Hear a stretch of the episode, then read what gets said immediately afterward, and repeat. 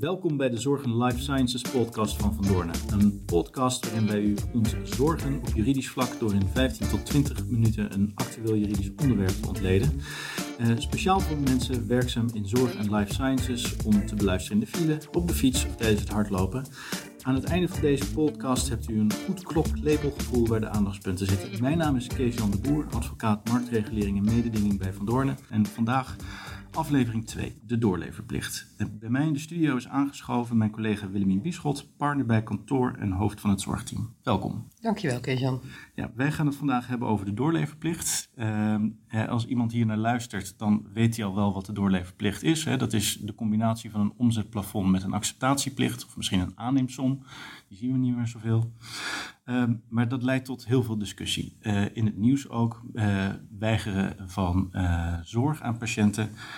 Um, terwijl er een doorleverplicht is, las ik vandaag toevallig in het nieuws. Maar de hamvraag misschien wel, is die doorleverplicht, is dat nou een redelijke voorwaarde? Dat hangt er maar helemaal vanaf. Ja, het advocatenantwoord. Precies. Waarom? Nou, de doorleverplicht maakt onderdeel uit van een stelsel van afspraken tussen een zorgaanbieder en een zorgverzekeraar. En dat stelsel van afspraken is weer onderdeel van een jarenlange samenwerkingsrelatie tussen die twee partijen. En uh, om de vraag te kunnen beantwoorden of een doorleverplicht redelijk is, zul je dus die hele relatie moeten bekijken en alle feiten en omstandigheden en historische gegevens die daarbij uh, van belang zijn moeten betrekken. Maar maak je het dan niet veel te ingewikkeld? Is het niet gewoon plat afdekken van volumerisico's waarbij de een of de ander dat risico moet lopen? Ik dan te simpel? Ja, dan ben je te simpel, omdat uh, het bij zorgcontractering zo is dat prijs en volume onlosmakelijk met elkaar zijn verbonden.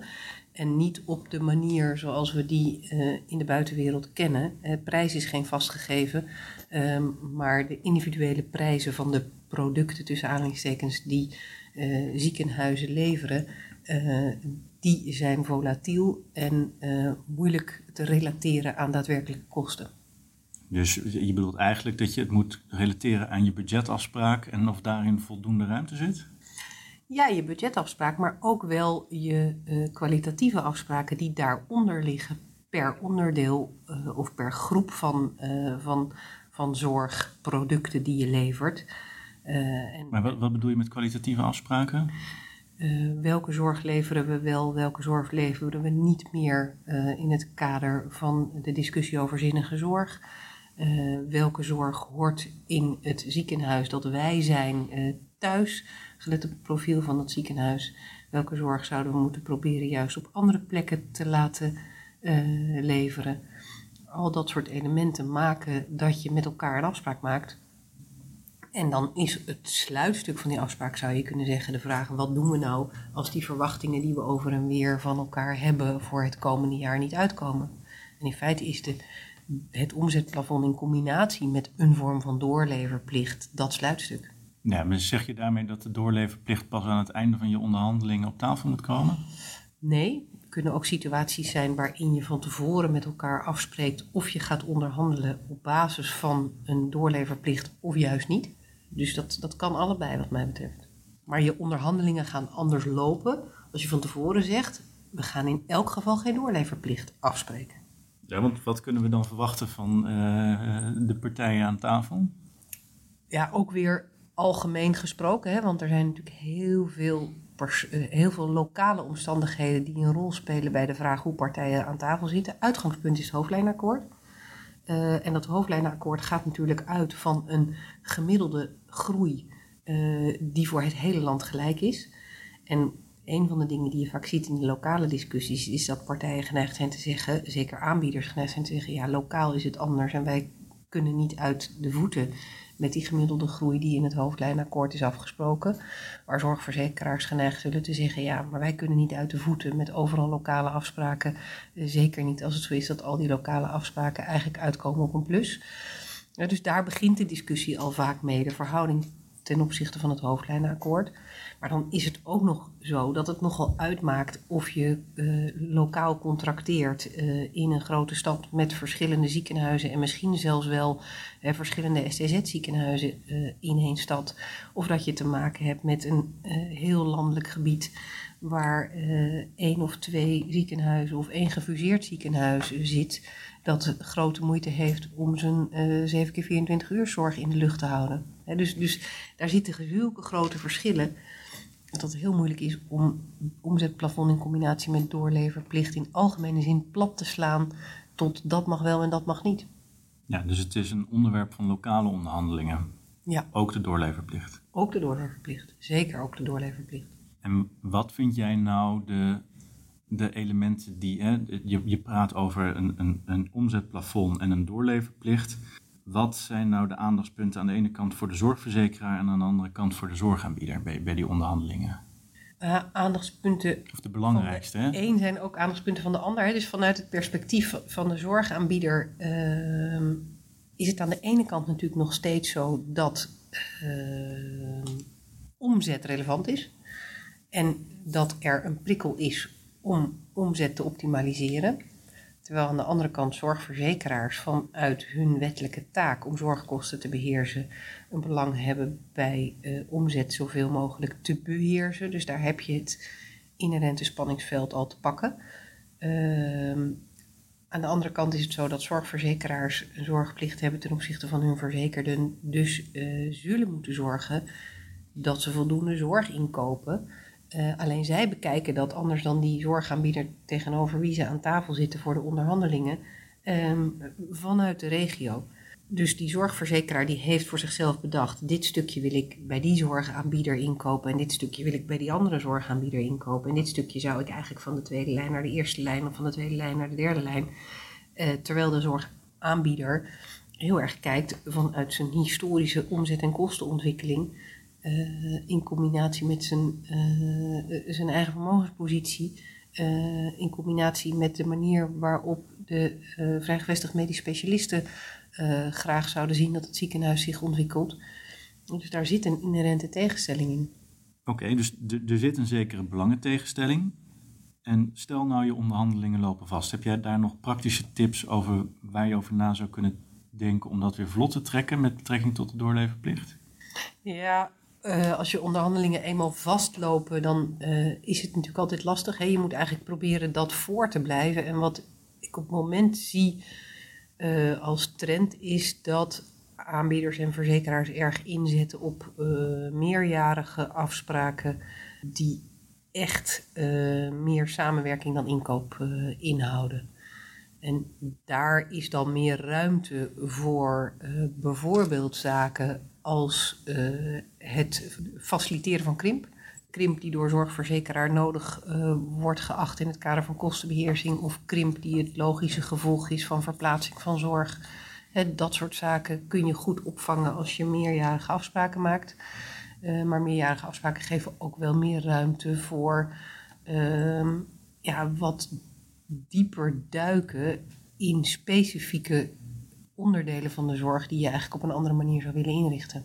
Ja, dus hè, wat weg uit de financiële discussie, wat meer naar de inhoud. Ja, ja. weg bij die PMOQ uh, van jaar tot jaar. Maar, maar echt met elkaar kijken, wat, uh, ja, wat hebben de verzekerden slash patiënten nou nodig?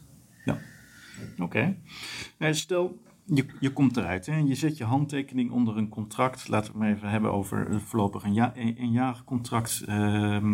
En, en daar zit een doorleverplicht in. Wat zijn dan problemen waar je tegenaan zou kunnen lopen en hoe moeten we dat juridisch duiden? Dat is een vrij open vraag. Ja, die verschillende elementen heeft. Hè? Want nadat het contract gesloten is, komt hè, uh, juridisch puur het uh, Nederlandse contract terecht om de hoek kijken, waarbij de hoofdregel is contract is contract. Dus wat je hebt afgesproken, dat bind je, zeker als je maar voor zo'n korte periode van een jaar contracteert, dan bind je dat gewoon.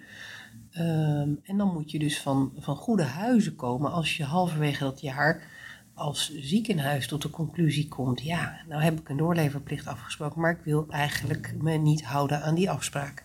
Dus dat is iets wat je bij het maken van de afspraak goed moet realiseren. En dat betekent dus ook dat je bij het maken van de afspraak die doorleverplicht, als het even kan, ook moet voorzien van de overwegingen die hebben gemaakt dat je hem op die manier hebt vastgelegd. Ja, dus voordat je je handtekening zet, een, een, kleine toelichting in de, in de, nou ja, de zijlijn of in een voetnoot? Ja, toelichting. Het moet, het moet zo zijn dat de bedoeling van partijen bij het maken van de doorleverafspraak duidelijk is. En ook de verwachtingen ten aanzien van uh, bijvoorbeeld ontwikkeling van volume en ten aanzien van spreiding van volume over het jaar. Die verwachtingen over en weer moeten goed duidelijk zijn en die moeten uh, gegoten zijn in de vorm van die doorleverafspraak. Ja, maar dan ga je volume spreiden, hè, zodat je in, in 12 instantie hebt, de per maand uh, precies een twaalfde van die doorleverplicht vult. En laten we even de seizoensgebonden fluctuatie er maar even uit. Um, maar kom je dan niet knel met treeknormen, dat soort zaken? Wachtlijsten? Ja, dat zou onder omstandigheden uh, kunnen gebeuren, maar onderdeel van je afspraak is dat je de treeknormen zult naleven. Uh, dus als je op voorhand al een afspraak hebt gemaakt die niet past binnen de treeknormen, uh, dan klopt je afspraak niet. En dus dan krijg je juridisch een andere discussie als dat halverwege het jaar blijkt.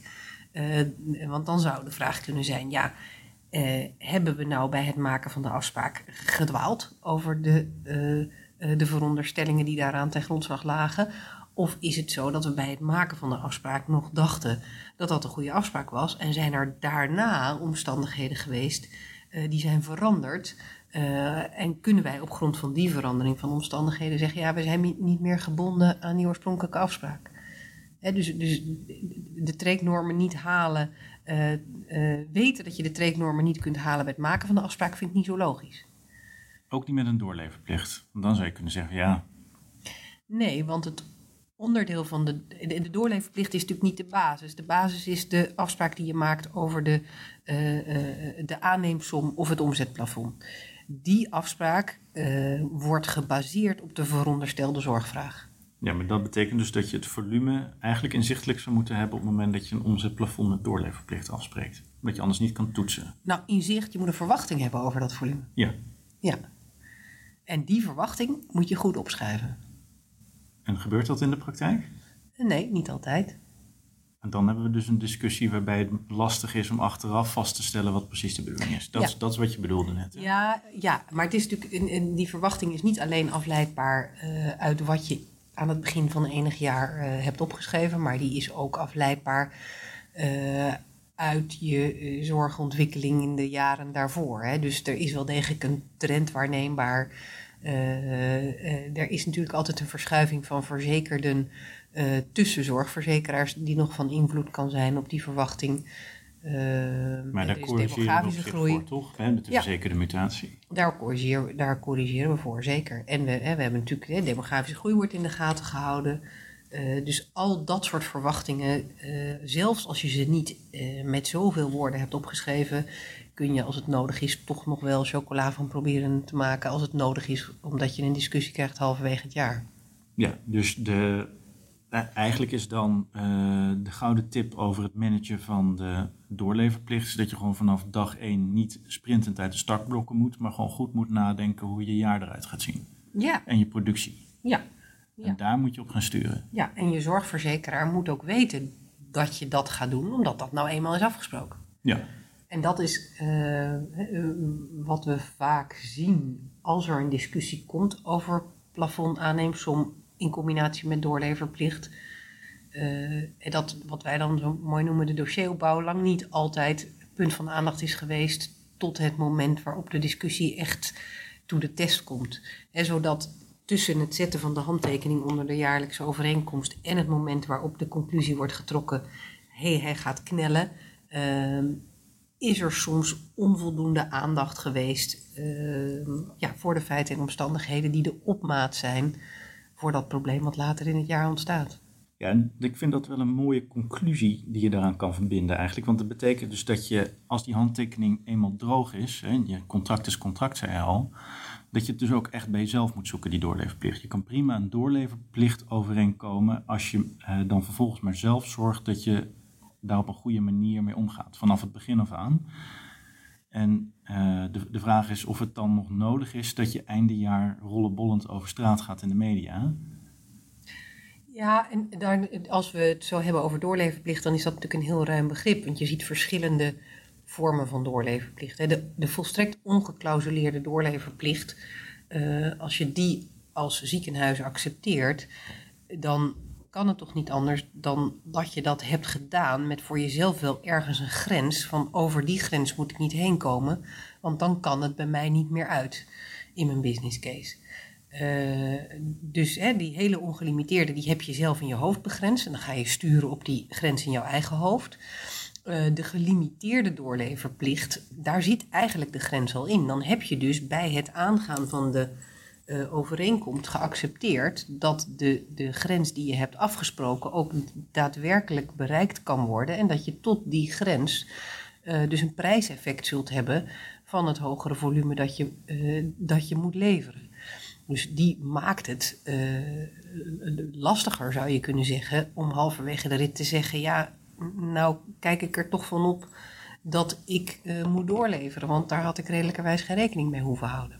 Er zijn natuurlijk ook situaties waarin je een doorleverplicht ongeclausuleerd of geclausuleerd hebt afgesproken, um, maar zich toch uh, halverwege het jaar een omstandigheid voordoet waar je redelijkerwijs geen rekening mee hebt gehouden en ook niet had hoeven houden.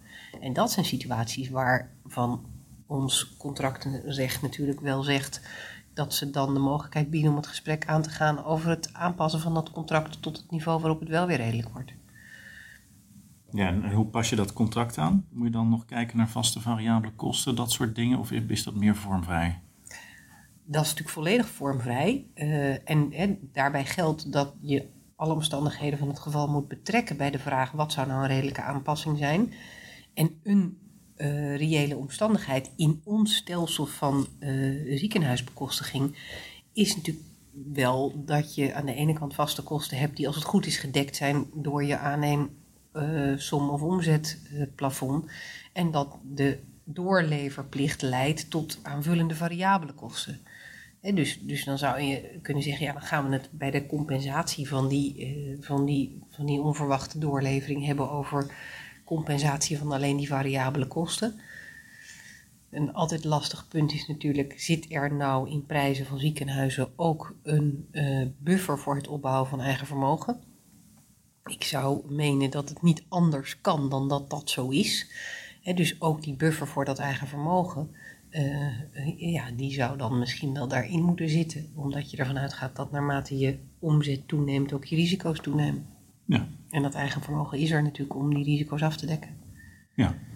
Willemien, dank voor dit gesprek. Graag gedaan. En uh, conclusie is, uh, wat we net al formuleerden, dat de doorleverplicht misschien een heet hangijzer is, in, uh, zeker ook in het publieke debat, maar dat als je er op een verstandige manier mee omgaat, zowel vanuit de zorgverzekeraar als de zorgaanbieder, die doorleverplicht ook echt wel wat kan brengen en, en zekerheid en rust geeft op de markt en, en misschien wel een mooie opening is voor meerjarenafspraken. Dus dat vind ik een hele positieve gedachten waar we het dan mee kunnen afsluiten.